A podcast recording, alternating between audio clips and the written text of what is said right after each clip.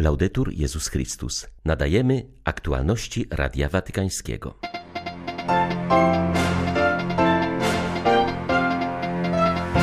Stan Benedykta XVI jest poważny, ale stabilny, poinformował dziś Watykan. Franciszek ponowił prośbę o modlitwę w intencji papieża seniora. Arcybiskup Mieczysław Mokrzycki podziękował Ojcu Świętemu za kolejną misję papieskiego jałmużnika na Ukrainie. Wskazał, że ważne jest nie tylko wsparcie materialne, ale też obecność wśród cierpiących z powodu wojny Ukraińców. W Lwowie trwa spotkanie młodych organizowane przez wspólnotę STZ. W czasie porannej modlitwy kilka rosyjskich rakiet uderzyło na to miasto. 29 grudnia wita Państwa Beata Zajączkowska. Zapraszam na serwis informacyjny. Stan Benedykta XVI jest poważny, ale stabilny, poinformował watykański rzecznik prasowy, po tym jak wczoraj Franciszek poprosił o modlitwę w intencji, jak podkreślił, bardzo chorego papieża seniora. Mateo Bruni stwierdził, że minionej nocy Benedykt XVI dobrze wypoczął, jest świadomy i czujny. Podkreślił zarazem, że Franciszek ponawia swą prośbę o modlitwę w intencji papieża seniora i towarzyszenie mu w tych trudnych godzinach. Tymczasem z całego świata płyną zapewnienia o modlitwie za Benedykta XVI. Episkopat Włoch przypomniał za papieżem Ratzingerem, że niezależnie jak trudne próby przychodzi nam przechodzić i ciężkie cierpienia, to zawsze pozostajemy w rękach Boga, który nas stworzył i wiernie nam towarzyszy. Diecezja rzymska zachęciła parafii wspólnoty do zjednoczenia się na modlitwie za swego emerytowanego biskupa. O modlitewnej pamięci zapewnili też biskupi Niemiec, a na stronie episkopatu opublikowano modlitwę, w której umieszczono prośbę do Boga, by wspomagał papieża seniora w jego chorobie i słabości oraz dał mu odczuć solidarność tak wielu ludzi, którzy teraz wstawiają się za nim w modlitwie. Podobne wyrazy bliskości napływają też z Afryki, Azji i obu Ameryk. Do modlitwy wezwał również zwierzchnik ukraińskiego kościoła grecko-katolickiego. Benedykta XVI nazwał wielkim świadkiem naszych czasów. Przypomniał także swe listopadowe spotkanie z papieżem seniorem, który zaniepokojony sytuacją na Ukrainie zapewniał, że modli się za tamtejszy naród. Odpowiadając na prośbę Franciszka i przewodniczącego konferencji Episkopatu Polski arcybiskupa Stanisława Gondeckiego, także na Jasnej Górze trwa modlitwa za Benedykta XVI.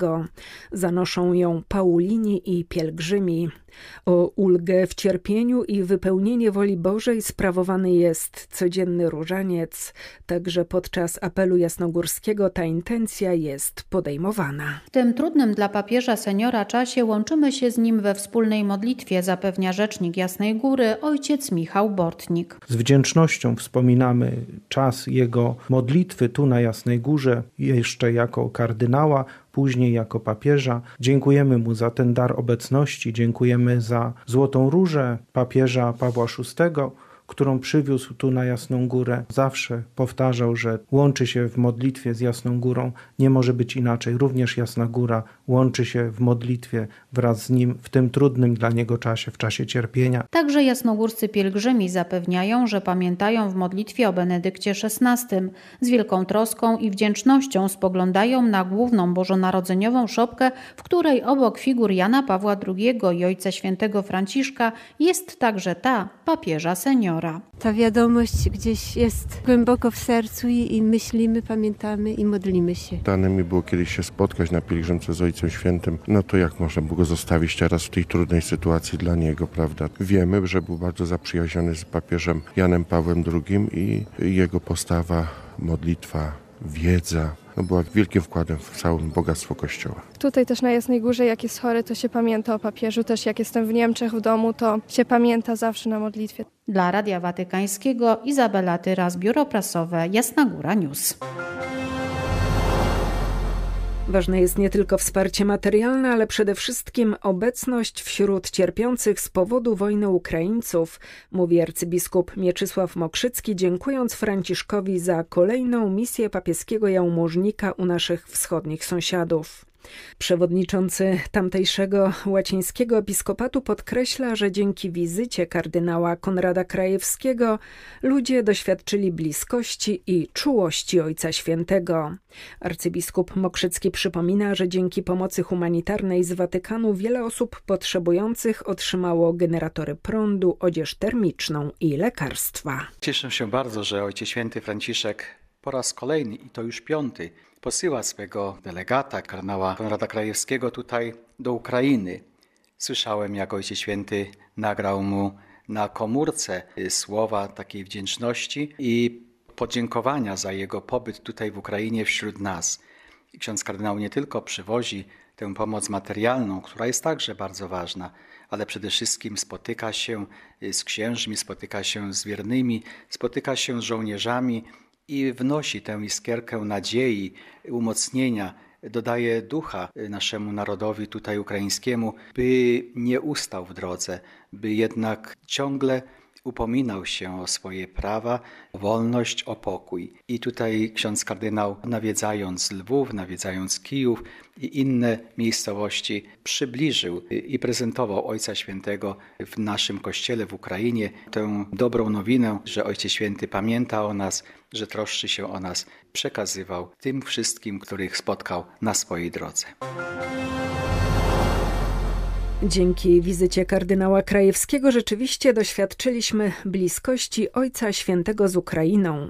Jego obecność była dla nas umocnieniem oraz pokrzepieniem, a to, że do Wigilii usiadł z uchodźcami i wolontariuszami, również szczególnym Bożym znakiem. W taki sposób przełożony Dominikanów na Ukrainie komentuje bożonarodzeniową wizytę papieskiego jałmużnika w prowadzonym przez jego zakon Centrum Pomocy Humanitarnej w Fastowie. Ojciec Jarosław Krawiec mówi o wzruszeniu ludzi, którzy ze łzami w oczach słuchali na pasterce słów kardynała o tym, że gdyby w obecnych czasach Jezus miał się gdzieś narodzić, to zapewne dzisiaj przyszedłby na świat na Ukrainie.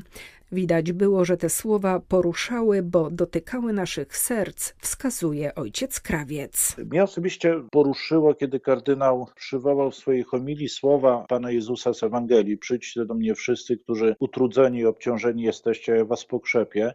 I zaakcentował słowo wszyscy. Rzeczywiście ta wojna w sposób niezwykły otwiera na drugiego człowieka. Ona jakoś sprawia, że znikają te podziały i po prostu idzie się służyć razem potrzebującym. I myślę, że tego też doświadczył pośród nas kardynał, siadając do wigilijnego stołu w domu świętego Marcina de Porres Fastowie, rozmawiając z uchodźcami, rozmawiając i słuchając naszych wolontariuszy, tej powszechności Kościoła, tego doświadczenia, że dobro rzeczywiście jednoczy ludzi że w czasie wojny ludzie dobrzy stają się jeszcze lepsi. To bardzo prawdziwe stwierdzenie. Ja to obserwuję, kiedy patrzę przez te 10 miesięcy trwającej wojny na naszych wolontariuszy, że ci ludzie naprawdę pięknieją. Oni rozkwitają, czyniąc dobro, służąc, czasem też ryzykując nawet swoim życiem, by ratować i nieść życie tym, co są w potrzebie.